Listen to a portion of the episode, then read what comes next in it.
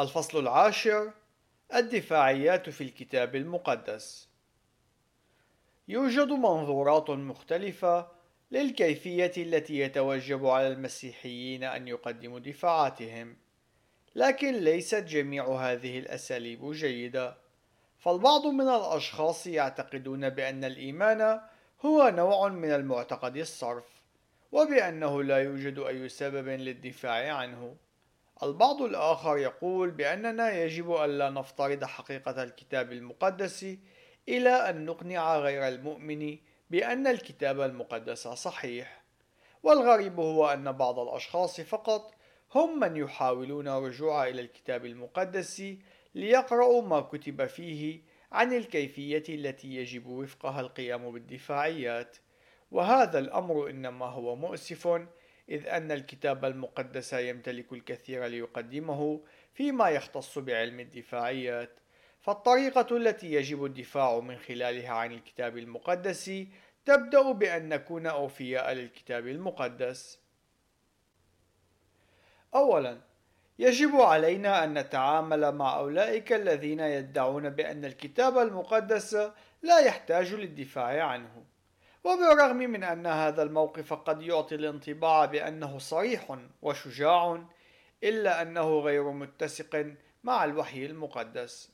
فإن رسالة بطرس الأولى 3:15 تقول لنا بأننا يجب أن نكون دائما على استعداد للدفاع عن إيماننا وأولئك الذين يسألوننا إن كنا نمتلك سببا لإيماننا يجب أن يتم تقديم إجابات لهم.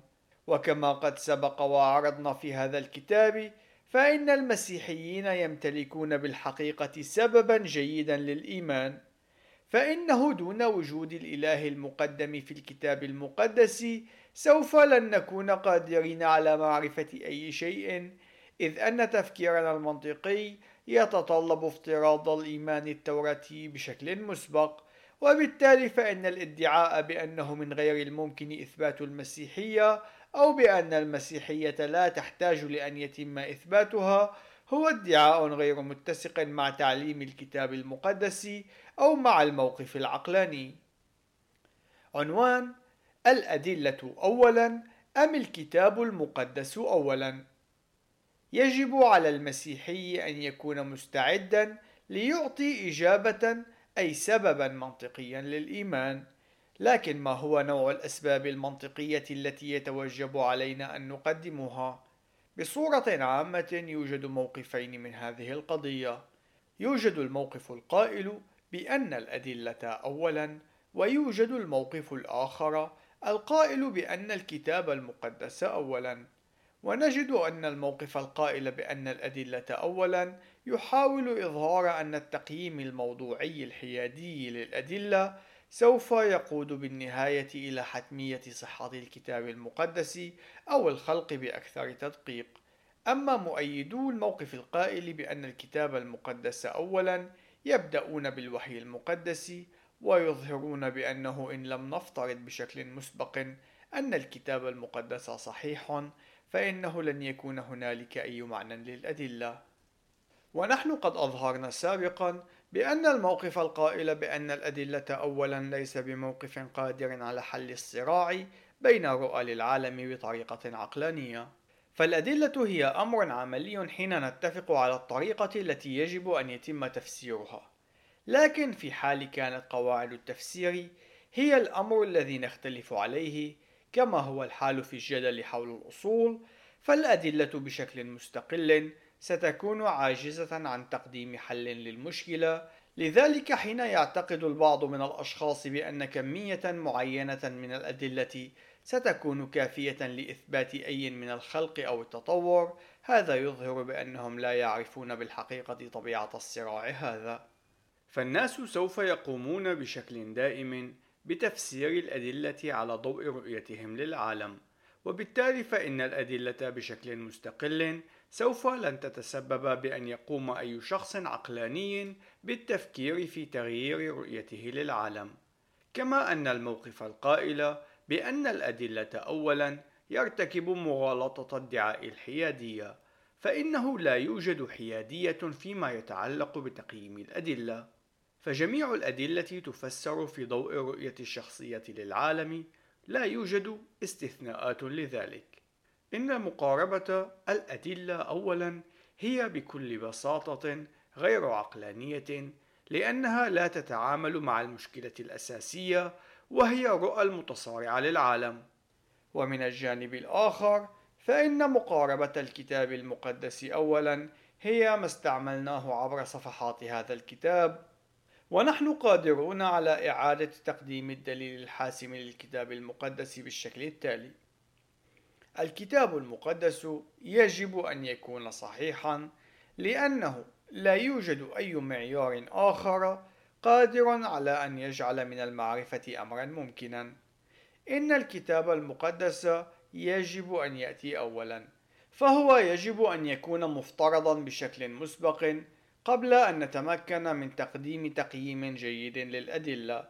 وتجدر الملاحظة بأن مقاربة الكتاب المقدس أولا تستعمل الأدلة بشكل جيد ولكن بما أن كل الأدلة تحتاج لأن يتم تفسيرها من خلال معيار أعلى لذلك يجب أن نبتدئ أولا مع الكتاب المقدس المعيار الأعلى الوحيد الذي يؤكد ذاته وبشكل متسق دون أي تناقضات ذلك حين نقوم بتفسير أي دليل.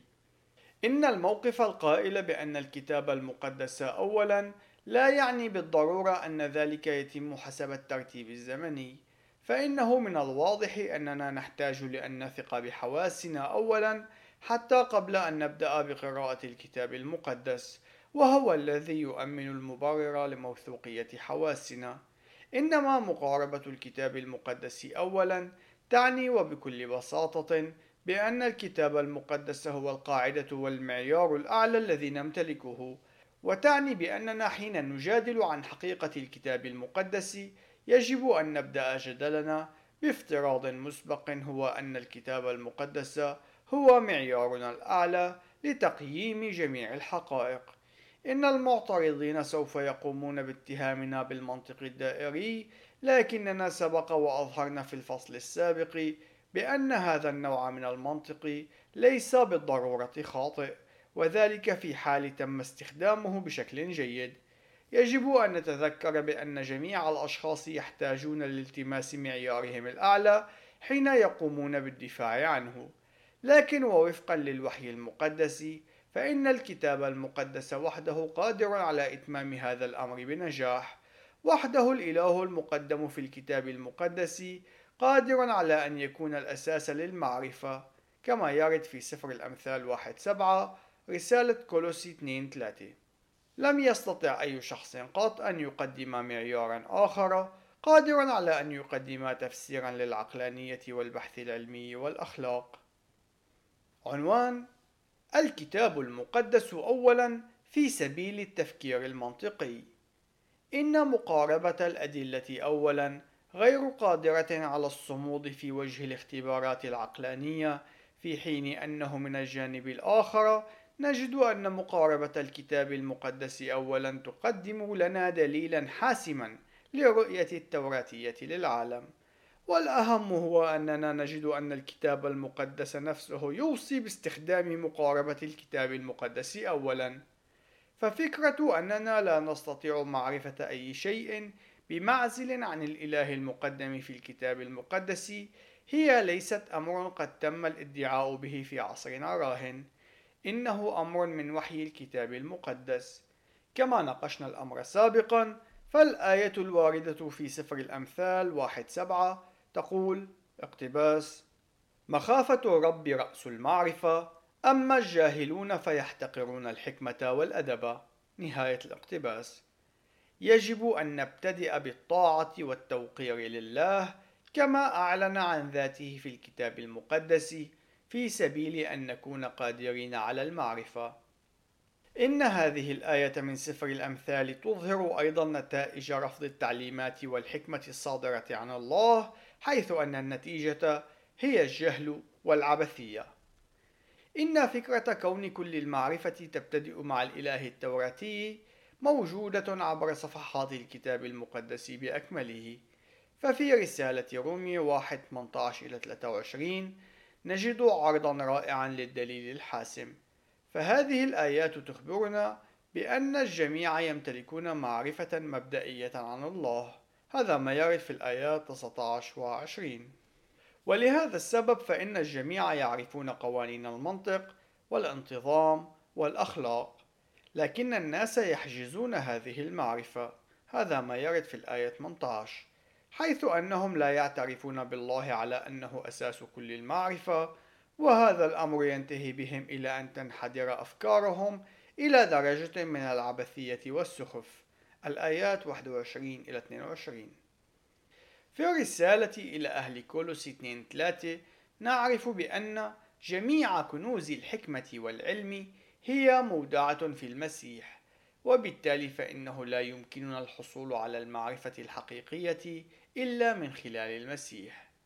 كولوس 2 8 تحذرنا من أن نسبى فنفقد هذا الكنز بقبول وتبني المعايير العلمانية والفلسفات الأرضية. فتصرح الآية بالتالي اقتباس انظروا أن لا يكون أحد يسبيكم بالفلسفة وبغرور باطل حسب تقليد الناس حسب أركان العالم وليس حسب المسيح. نهاية الاقتباس.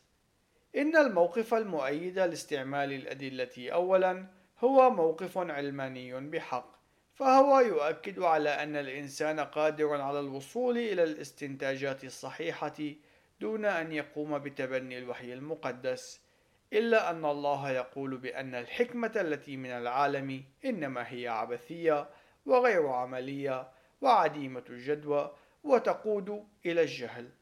ورسالة كورنثوس الأولى 3 تقول لنا اقتباس أن حكمة هذا العالم هي جهالة عند الله لأنه مكتوب الآخذ الحكماء بمكرهم.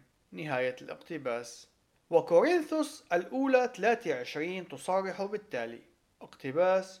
وأيضا الرب يعلم أفكار الحكماء أنها باطلة. نهاية الاقتباس. أما رسالة أفسس 4 17 إلى 18 تقول عن التفكير العلماني التالي. اقتباس. فأقول هذا وأشهد في ربي أن لا تسلكوا فيما بعد كما يسلك سائر الأمم أيضا ببطل ذهنهم إذ هم مظلمو الفكر ومتجنبون عن حياة الله لسبب الجهل الذي فيهم بسبب غلاظة قلوبهم. نهاية الاقتباس.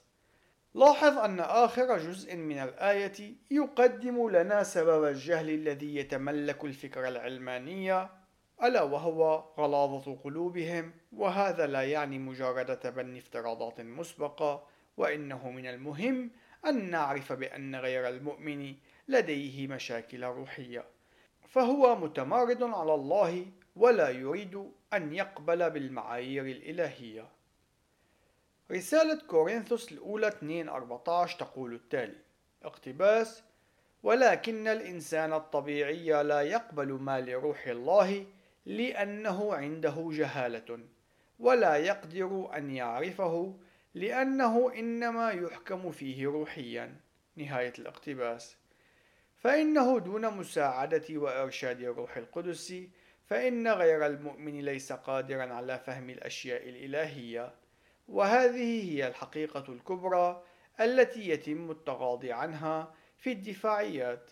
وهذا هو السبب في أننا غير قادرين على إدخال أي شخص إلى الفردوس باستخدام المنطق. فإنه يجب أن يقدم التوبة لله الذي منح الغفران. تيموثاوس الثانية 2:25 وأعمال الرسل 5:31 ورومي 4:2 تشهد عن ذلك.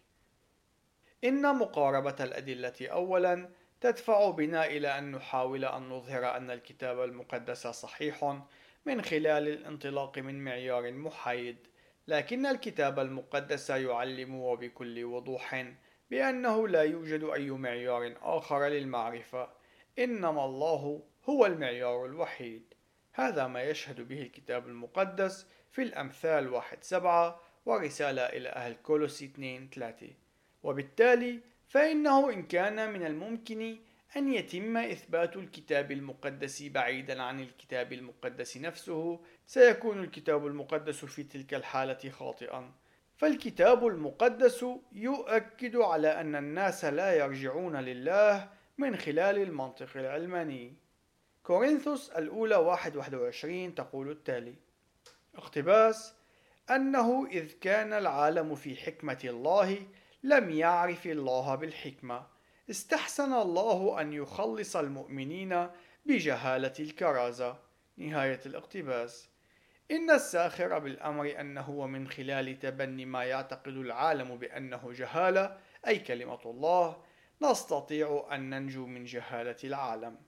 كورنثوس الأولى 2 5 تقول لنا بأن إيماننا لا يجب أن يعتمد على حكمة الناس إنما على قوة الله. وهنا يقوم بولس بإدانة الحكمة أي الحكمة العلمانية فقط. ويشير في الآيات الثلاث التي تلي بأننا يجب أن نمتلك الحكمة التي تأتي من الله فقط. الحكمة التي لن يفهمها هذا العالم العلماني. فجميع كنوز الحكمة والمعرفة هي مكتنزة في المسيح يسوع. هذا ما يرد في كولوسي 2 3 وبالتالي يجب أن نسلم أفكارنا لله في سبيل الحصول على الحكمة والمعرفة.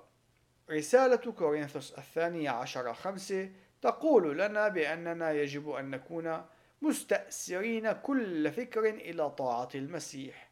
فإننا إن أردنا أن نمتلك المعرفة يجب ألا نطوع أفكارنا للعالم إنما للمسيح عنوان هل تستطيع الأدلة أن تقنع الناس؟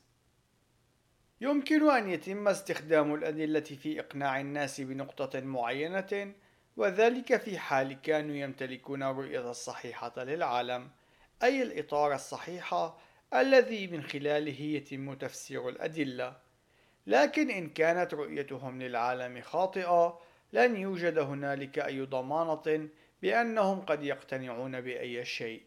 لذلك فإنه من اللازم علينا أن نتجنب استعمال مقاربة الأدلة أولا.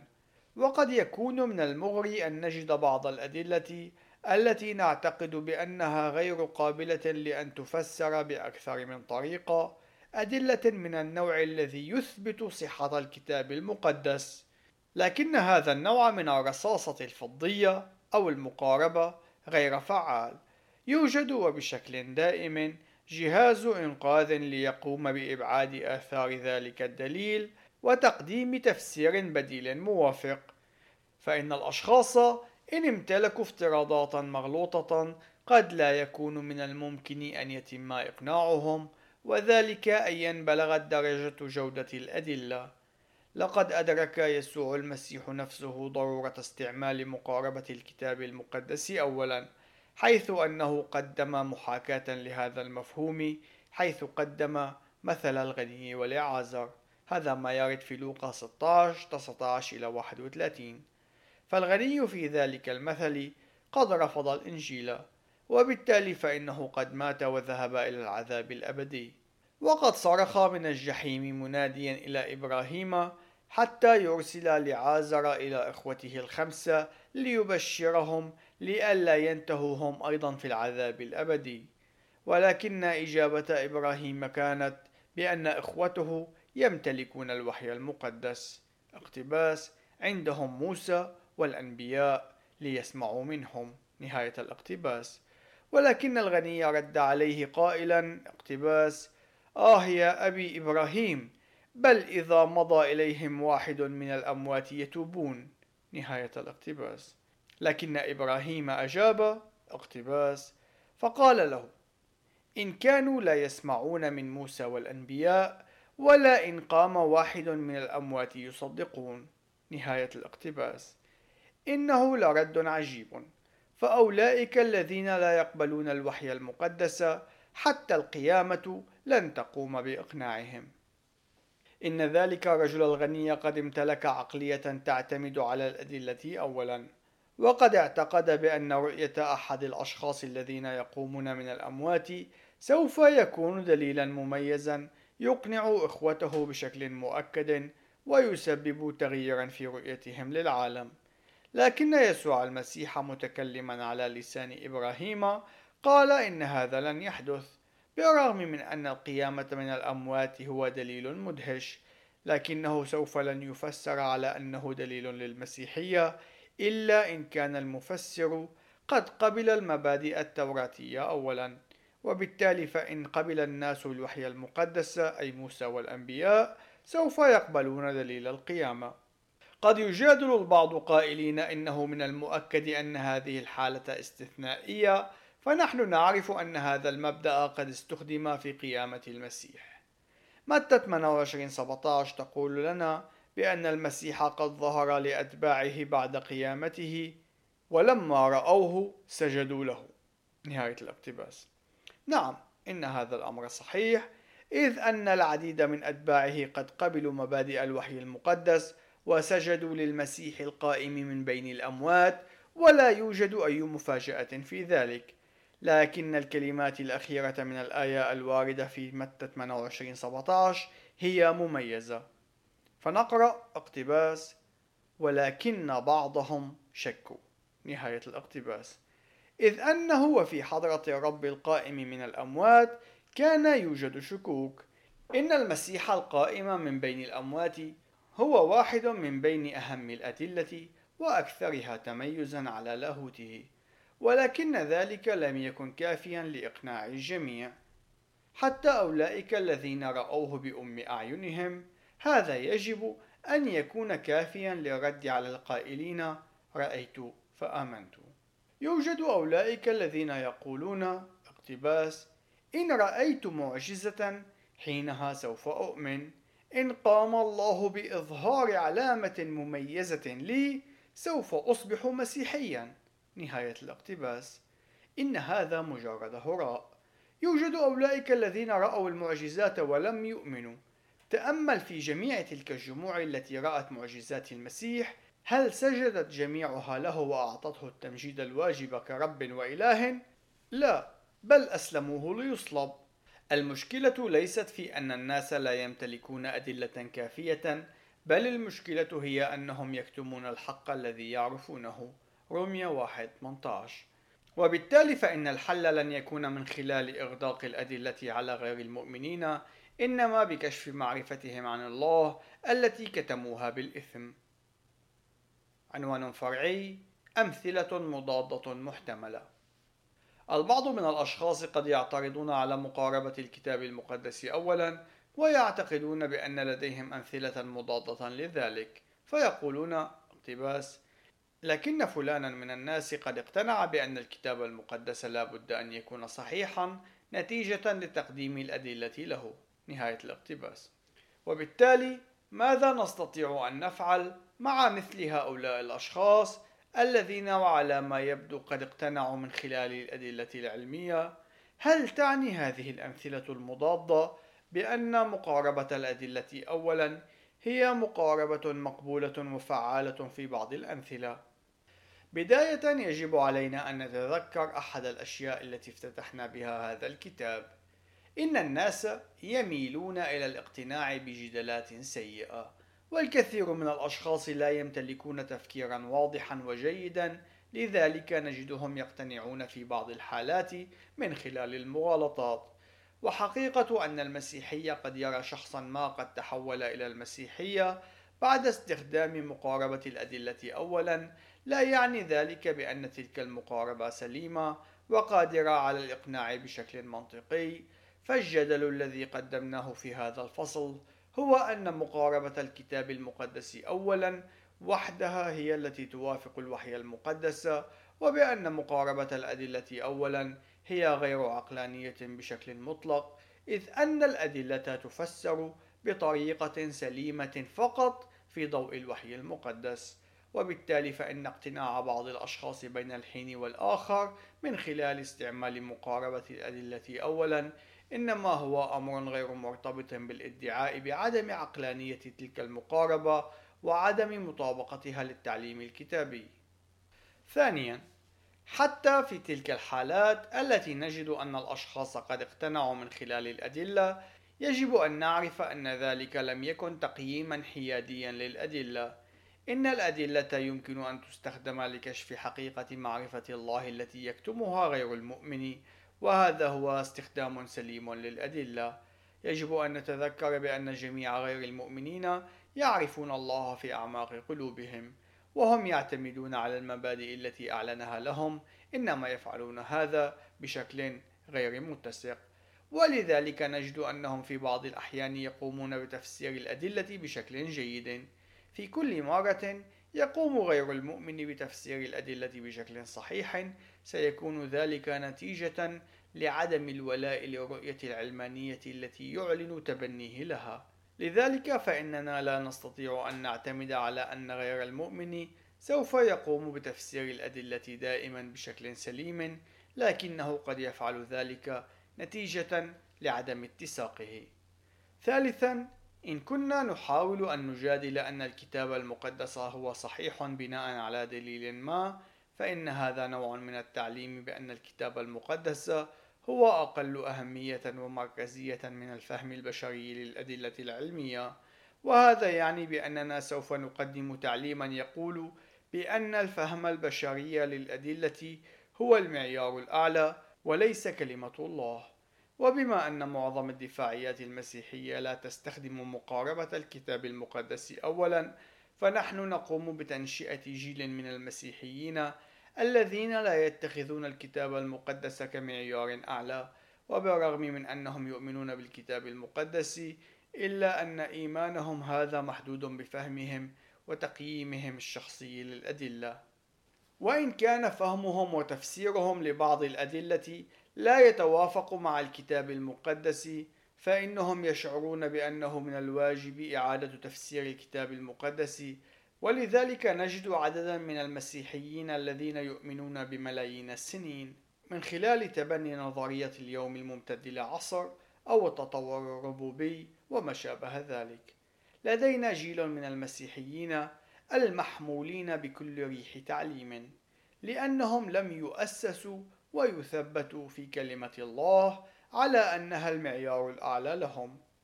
في النهاية أشعر بأنه من الضروري بأن أشير مرة أخرى إلى أنه من العملي أن يتم استخدام الأدلة العلمية والتاريخية كجزء من دفاعياتنا لكن ليس كأساس وقاعدة للدفاع الذي نقدمه. لقد سبق ورأينا في الفصل السادس عددا من الاستخدامات الجيدة للأدلة في الدفاع من خلال إظهار عدم الاتساق الداخلي في الرؤية العلمانية للعالم. ولذلك فإننا قادرون بل ويجب علينا أن نستخدم عددا من الأدلة كجزء من الدفاع الذي نقدمه آخذين بعين الاعتبار أن نقوم باستخدام الأدلة بطريقة جيدة.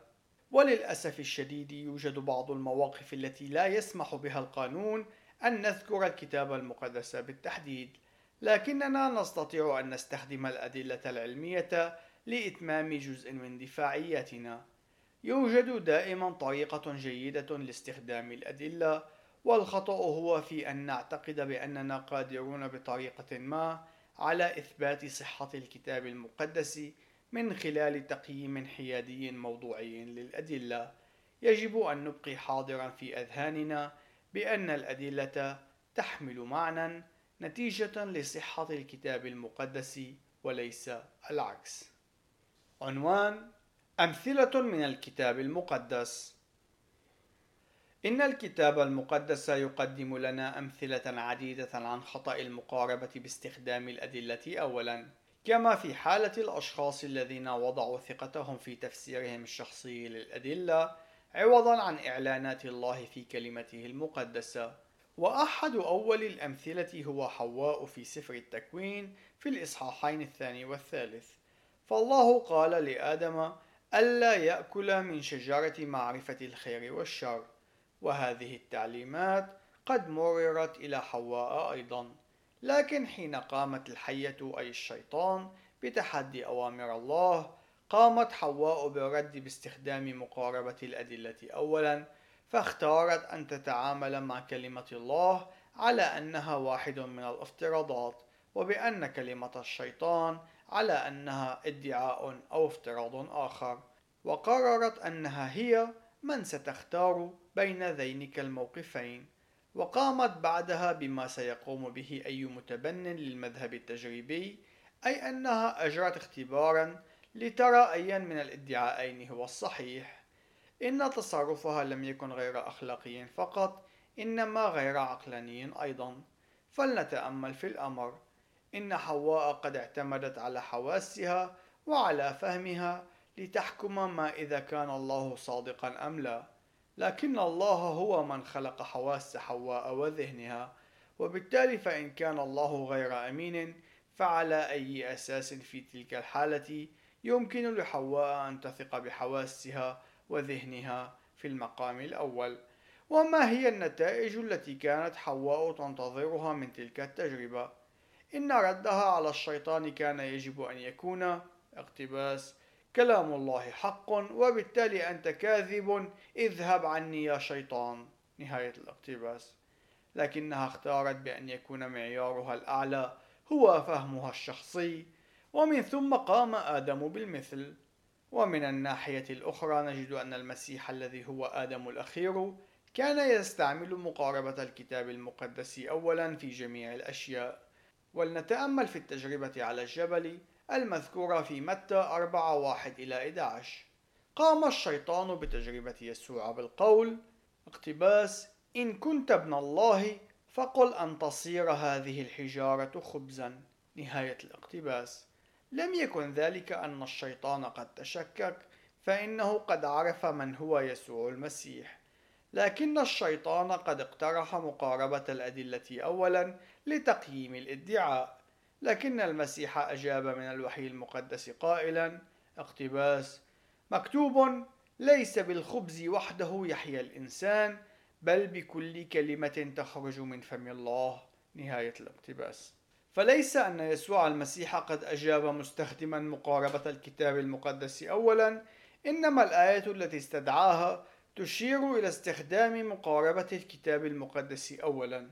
أي أننا يجب أن نحيا بكلمة الله. الكثير من المسيحيين يضعون الثقة في تقديراتهم الشخصية للأدلة عوضا من أن يضعوها في الكلمة المعصومة لله. يعتقدون بأنه من الواجب أن يتم إثبات حقيقة الكتاب المقدس أولا وذلك باستخدام الأدلة غير المتحيزة ومن ثم بعد ذلك يحنون ركب للمسيح. وذلك فقط بعد أن وصلوا إلى رضا من خلال معيارهم المستقل للحكم على ملكوت وسيادة المسيح. لكن هذا النوع من السلوك إنما هو غير عقلاني وغير كتابي أيضا. فلقد سبق وأظهرنا أن دفاعياتنا يجب أن تبدأ أولا بأن نحني ركبتينا للمسيح يسوع فيجب أن نبدأ بالاعتراف بسيادته وملكوته وبأن كلمته هي المعيار الأعلى. في حال أردنا أن نصل إلى أي استنتاج حقيقي وعقلاني. وحقيقة الأمر أن هذا هو مفتاح النجاح في الدفاعيات. إن رسالة بطرس الأولى 3:15 لا تبدأ بالقول مستعدين دائما إنما تبدأ بالقول قدسوا رب الإله في قلوبكم إن القسم الأول من رسالة بطرس 3:15 هو مطلب مسبق لإتمام بقية الآية لذلك فإنه يجب أن نبدأ دفاعنا بتقديس المسيح في قلوبنا فنبدأ بالمسيح كما أعلن عن ذاته في الوحي المقدس ونتعلم أن نرى كيف أن الأشخاص غير المؤمنين يحجبون معرفتهم به ومن ثم بعد ذلك نكون مستعدين في كل حين للدفاع وتبرير سبب الرجاء الذي فينا. عنوان الدفاعيات التي قدمها المسيح. لقد استخدم كل من المسيح يسوع ورسل مقاربة الكتاب المقدس أولا في الدفاعيات. ليس ذلك فقط بل إنهم أيضا قد استخدموا المقاربة التي قمنا بتقديمها في هذا الكتاب وقاموا بتطبيق استراتيجية لا تجب بل أجب في ردودهم على الادعاءات العبثية كما أنهم قدموا رؤية المسيحية للعالم وقاموا بنقد داخلي للرؤى غير المسيحية للعالم. ومن خلال نقدهم للأفكار التي طرحها غير المؤمنين قاموا بإظهار عبثيتها وعدم اتساقها. كما وأنهم قد استخدموا الشروط المسبقة لقابلية الفهم بالطبع. لم يستخدموا المصطلحات المعاصرة إنما المفاهيم هي موجودة. فلنتأمل في البعض من الأمثلة. نبدأ مع يسوع المسيح. إن الإجابات التي قدمها المسيح للمعترضين عليه كانت غاية في الذكاء لم يرتبك أبدا بل كان دائما مستعدا للدفاع ولنتأمل في متى 12 24 إلى 29 لدينا هنا الفريسيين الذين كانوا يؤكدون أن المسيح كان قادرا على طرد الشيطان باستخدام قوة الشيطان بعلزبول وليس الله. قام يسوع بالرد عليهم مستخدما استراتيجية لا تجب بل أجب فهو لم يقبل بمعيارهم العبثي مستخدما القسم لا تجب إنما أظهر لهم سخف الموقف الذي قدموه من خلال محاكاة افتراضية لنتائج ذلك الموقف. وهنا استخدم القسم الثاني من الاستراتيجية أي بل أجب. لقد أشار المسيح إلى أن أي مدينة أو مملكة منقسمة على ذاتها لا تصمد. وبالتالي فإنه لا معنى لأن يقوم الشيطان بطرد الشياطين التابعين له. وإلا فإنه سوف ينقسم على ذاته. وبعد ذلك سألهم يسوع قائلا اقتباس وإن كنت أنا ببعل زبولة أخرج الشياطين فأبناؤكم بمن يخرجون. نهاية الاقتباس. وبهذا أشار لهم بأنهم غير قادرين على إدانته دون أن يدينوا أنفسهم. لقد كانوا مدانين بارتكاب مغالطة المعاملة الخاصة أو المعايير المزدوجة. لقد قام المسيح وبكل ذكاء بإظهار عدم اتساقهم وتعسف الموقف الذي كانوا يتخذونه. مثال آخر يوجد في متى 21 23 إلى 27 حيث قام رئيس الكهنة بسؤال المسيح عمن أعطاه السلطان ليعلم هذا التعليم. لكن المسيح يسوع كان يعرف بأنهم يمتلكون معايير عبثية لأنه لو كان الأمر بخلاف ذلك لكانوا عرفوا الإجابة. لذلك فهو لم يقم بإجابتهم بحسب معاييرهم إنما أظهر لهم عدم الاتساق في موقفهم من خلال طرح سؤال عليهم. بأي سلطان كانت معمودية يوحنا. إن هذا السؤال قد وضع المعترضين في مأزق فإنهم إن قدموا الإجابة الصحيحة حينها يستطيع يسوع أن يسألهم وببساطة لماذا لم يؤمنوا بما قاله يوحنا عنه. وإن قالوا أمرا آخر سيخافون الشعب من أن يرجموهم لأن يوحنا كان عند الجميع مثل نبي من الله. لقد أبطل المسيح اعتراضهم ولم يقدروا على إجابته. يوجد عدد من الأمثلة في متى 22 15 إلى 46 حيث قام المسيح بتقديم إجابات لمعترضيه بكل وداعة ولكنه بعد ذلك قام بكشف عبثية أفكارهم من خلال تقديم بعض الأسئلة لهم. ويجب الانتباه إلى أن غير المسيحيين لا يمتلكون دفاعيات. حيث أنهم غير قادرين على تقديم دفاع عقلاني عن موقفهم. لذلك يكون من المهم أن نتذكر بشكل دائم أن نسأل المعترض بعض الأسئلة لنطلب منه أن يقدم دفاعا عن إيمانه أيضا. إن المعترضين على المسيح لم يكونوا قادرين على تقديم إجابات. ونقرأ في متى 22 46 اقتباس. فلم يستطع أحد أن يجيبه بكلمة. ومن ذلك اليوم لم يجسر أحد أن يسأله بتة. نهاية الاقتباس. عنوان دفاعيات بولس الرسول لقد استعمل رسول بولس الكتاب المقدس كمعيار أعلى حيث قدم رؤية المسيحية للعالم وقام بنقد داخلي لرؤية العلمانية مستخدما لائحة المراجعة تا تا شين. واستخدم استراتيجية لا تجب بل أجب في إجاباته. ومثال رائع عن دفاعيات بولس الرسول يقدم لنا في أعمال الرسل 17 16 إلى 34 حيث نجد بولس الرسول في أثينا وهي مدينة تعج بالعبادات الوثنية وقد كان يحاجج في المجمع وفي الأسواق كل يوم مع أولئك الذين كان يصادف حضورهم هناك. إن بولس الرسول لم يستعمل المقاربات العاطفية ليبشر إنما كان يحاجج الناس والفلاسفة كانوا معادين للمسيحية وقاموا بالهزء والسخرية منها ثم أنهم أحضروا بولس إلى أريوس باغوس التي تشبه مجلس العدل ليسألوه عن التعليم الذي كان يقدمه. وتسجل لنا الآيات 22 إلى 31 النقاط الرئيسية التي كانت في دفاعيات بولس عن الإيمان. لقد ابتدأ بولس من خلال تحليل رؤية معارضيه للعالم. هذا ما يرد في أعمال الرسل 17 22 إلى 23 وهذه هي خطوة مهمة إن أردنا أن نقوم بنقد داخلي. وقد لاحظ بولس أن الأثينيين كانوا متدينين من ناحية أنهم كانوا يعبدون الأوثان. وواحد من معابدهم كان يحمل وصفا لإله مجهول. وقام بولس باستعمال ميزة الجهل هذه كجسر ليقدم لهم الرؤية المسيحية للعالم. وفعل هذا في الآية الرابعة والعشرين حيث انطلق عائدا إلى سفر التكوين حيث أنه فسر لهم أن الله هو خالق العالم وكل شيء فيه. وقد صحح الأخطاء في الرؤية التي يمتلكها المعارضين له عن الله من خلال الإشارة إلى أن الله الخالق لا يسكن في معابد ولا يحتاج إلى أن يخدم بأياد بشرية. إذ أن الله هو نفسه معطي الحياة للجميع. هذا ما يرد في الآية الخامسة والعشرين. يتابع بولس الرسول في الآيات السادسة والعشرين والسابعة والعشرين تقديم رؤية المسيحية للعالم من خلال إظهار أننا جميعا ننحدر من آدم وقد أشار إلى أن الله هو صاحب السلطان في التاريخ البشري وبأنه ليس بعيدا عنا. ويعود في الآية الثامنة والعشرين إلى النقد الداخلي من خلال الإشارة إلى أن الله هو ما نحيا به ونتحرك ونوجد. هذه الحقيقة التي على ما يبدو أن الأثينيين قد عرفوها مسبقا لكن كان السؤال أي رؤية للعالم تقدم تفسيرا ذا معنى لهذه الحقيقة؟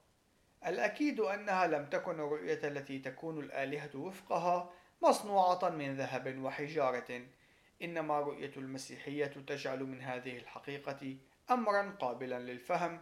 إن الله في المسيحية هو كلي القدرة وبالتأكيد فإنه قادر على أن يحافظ على وجود الإنسان.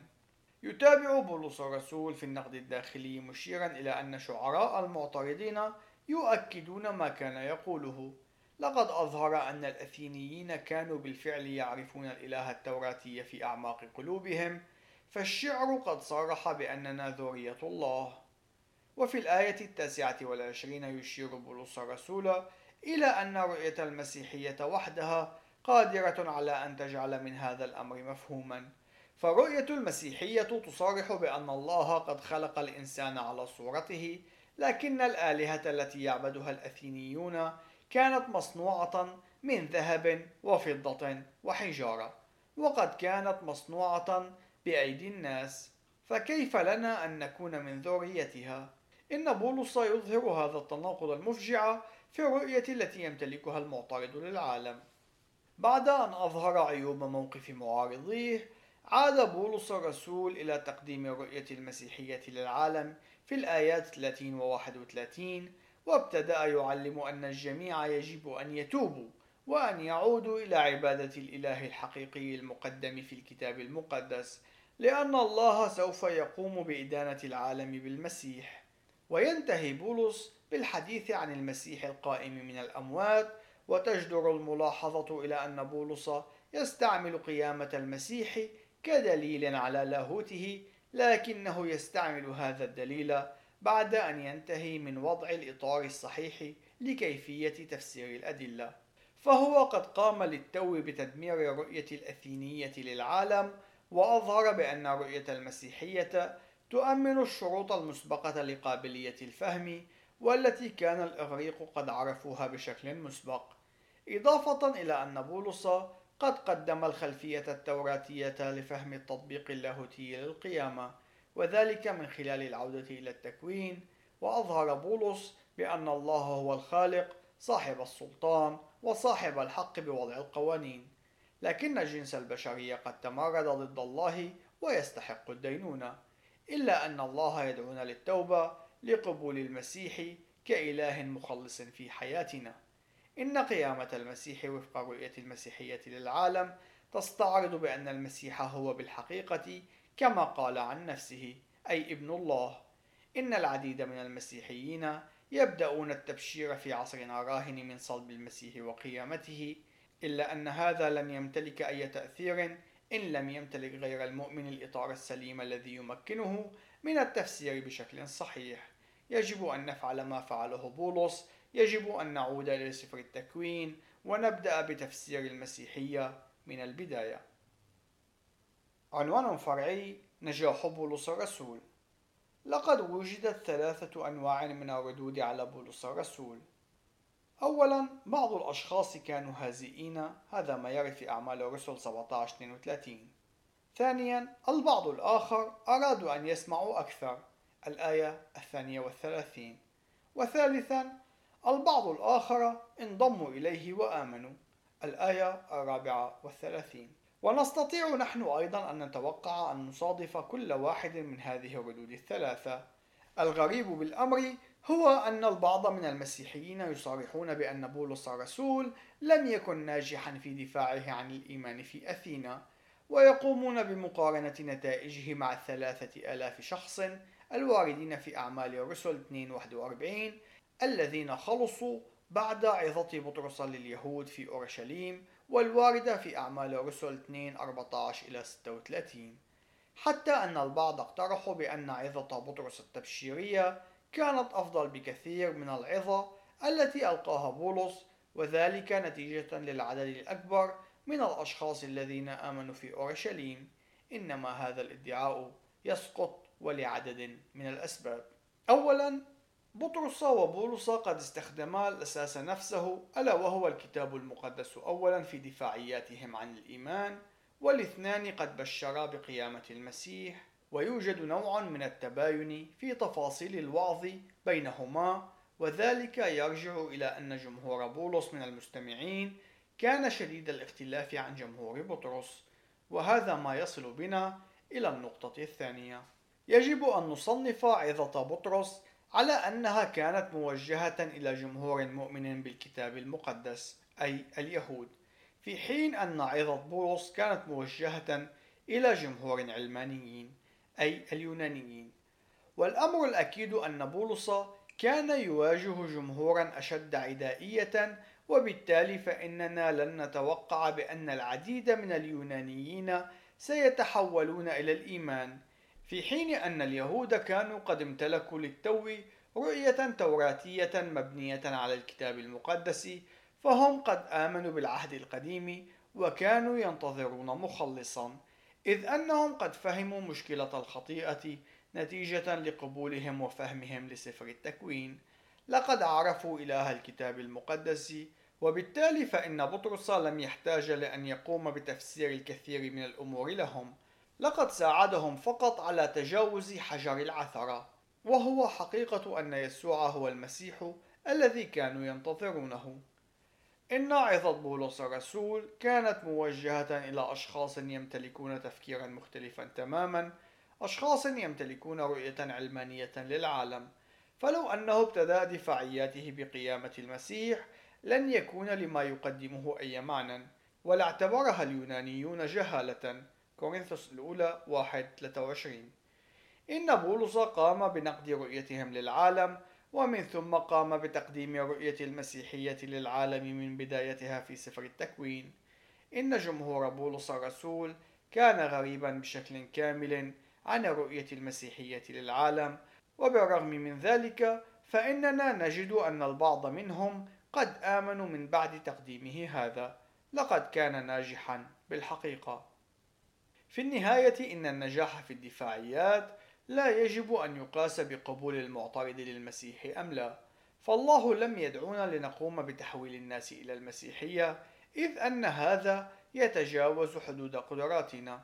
لقد دعانا لأن نقوم بتقديم دفاع عن إيماننا وسواء قبل هذا الشخص المسيح أم لا. هذا الأمر سيكون فيما بينه وبين الله. إلا أن الله يستخدمنا عادة كجزء من العملية. فنحن يجب علينا أن نقدم إجابات وبالتالي فإن مسؤوليتنا هي أن نتأكد من أننا نقدم دفاعا أمينا لرؤية المسيحية للعالم. لقد قام بولس بذلك وقد كان ناجحا لأنه أطاع الله وقد بارك الله مسعاه فآمن عدد من الأشخاص ونالوا الخلاص. وحقيقة الأمر أن اثنين من هؤلاء الأشخاص قد ذكروا بالاسم في أعمال الرسل 1734 وهذا يشير إلى أنهما قد يكونان من مشاهير ذلك المجتمع ومن يعرف ما هو نوع التأثير الذي قاما به في نشر رسالة الإنجيل. لقد قام كل من بطرس وبولس مقاربة الكتاب المقدس أولا المقنعة في دفاعياتهم عن الإيمان لكن كل منهما قد طوع التفاصيل لتتلائم مع جمهور المستمعين الحاضرين. لقد كان بولس مصيبا في إمضائه فترة أطول من الوقت لتدمير الرؤية العلمانية للعالم التي امتلكها جمهوره وبتقديم الأبعاد الأساسية لرؤية المسيحية للعالم بداية من سفر التكوين. وبطرس كان مصيبا أيضا حين تجاوز تلك الخطوات على اعتبار أن جمهور الحاضرين كانوا يعرفون تلك الأمور. لهذا السبب فإنه من المهم أن نفهم الرؤية التي يمتلكها المعترض للعالم حين نقوم بالدفاع عن الإيمان. إن حضارتنا المعاصرة تتشابه إلى حد كبير مع جمهور اليونانيين أكثر من تشابهها مع اليهود. فمعظم الأشخاص في يومنا الراهن لا يعلنون اعترافهم بالخلق التوراتي وبالتالي فإنهم لا يعرفون بحق مفهوم الخطيئة والصلاح والعدالة الإلهية وبأنهم يحتاجون للتوبة. إنهم لا يمتلكون الإطار اللاهوتي الصحيح لتفسير موت وقيامة المسيح وبالتالي فإن معظم الأشخاص في يومنا هذا يجب أن يتم تبشيرهم بطريقة تشابه التي قام بها بولس الرسول مع اليونانيين. يجب علينا أن نتعلم كيفية نقد الرؤية العلمانية للعالم ومن ثم أن نقدم رؤية المسيحية للعالم من البداية في سفر التكوين.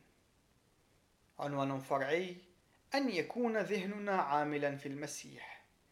إن رؤية المسيحية للعالم تؤمن الشروط المسبقة اللازمة للمعرفة، وهي ذات موقف عقلاني ويمكن الدفاع عنه.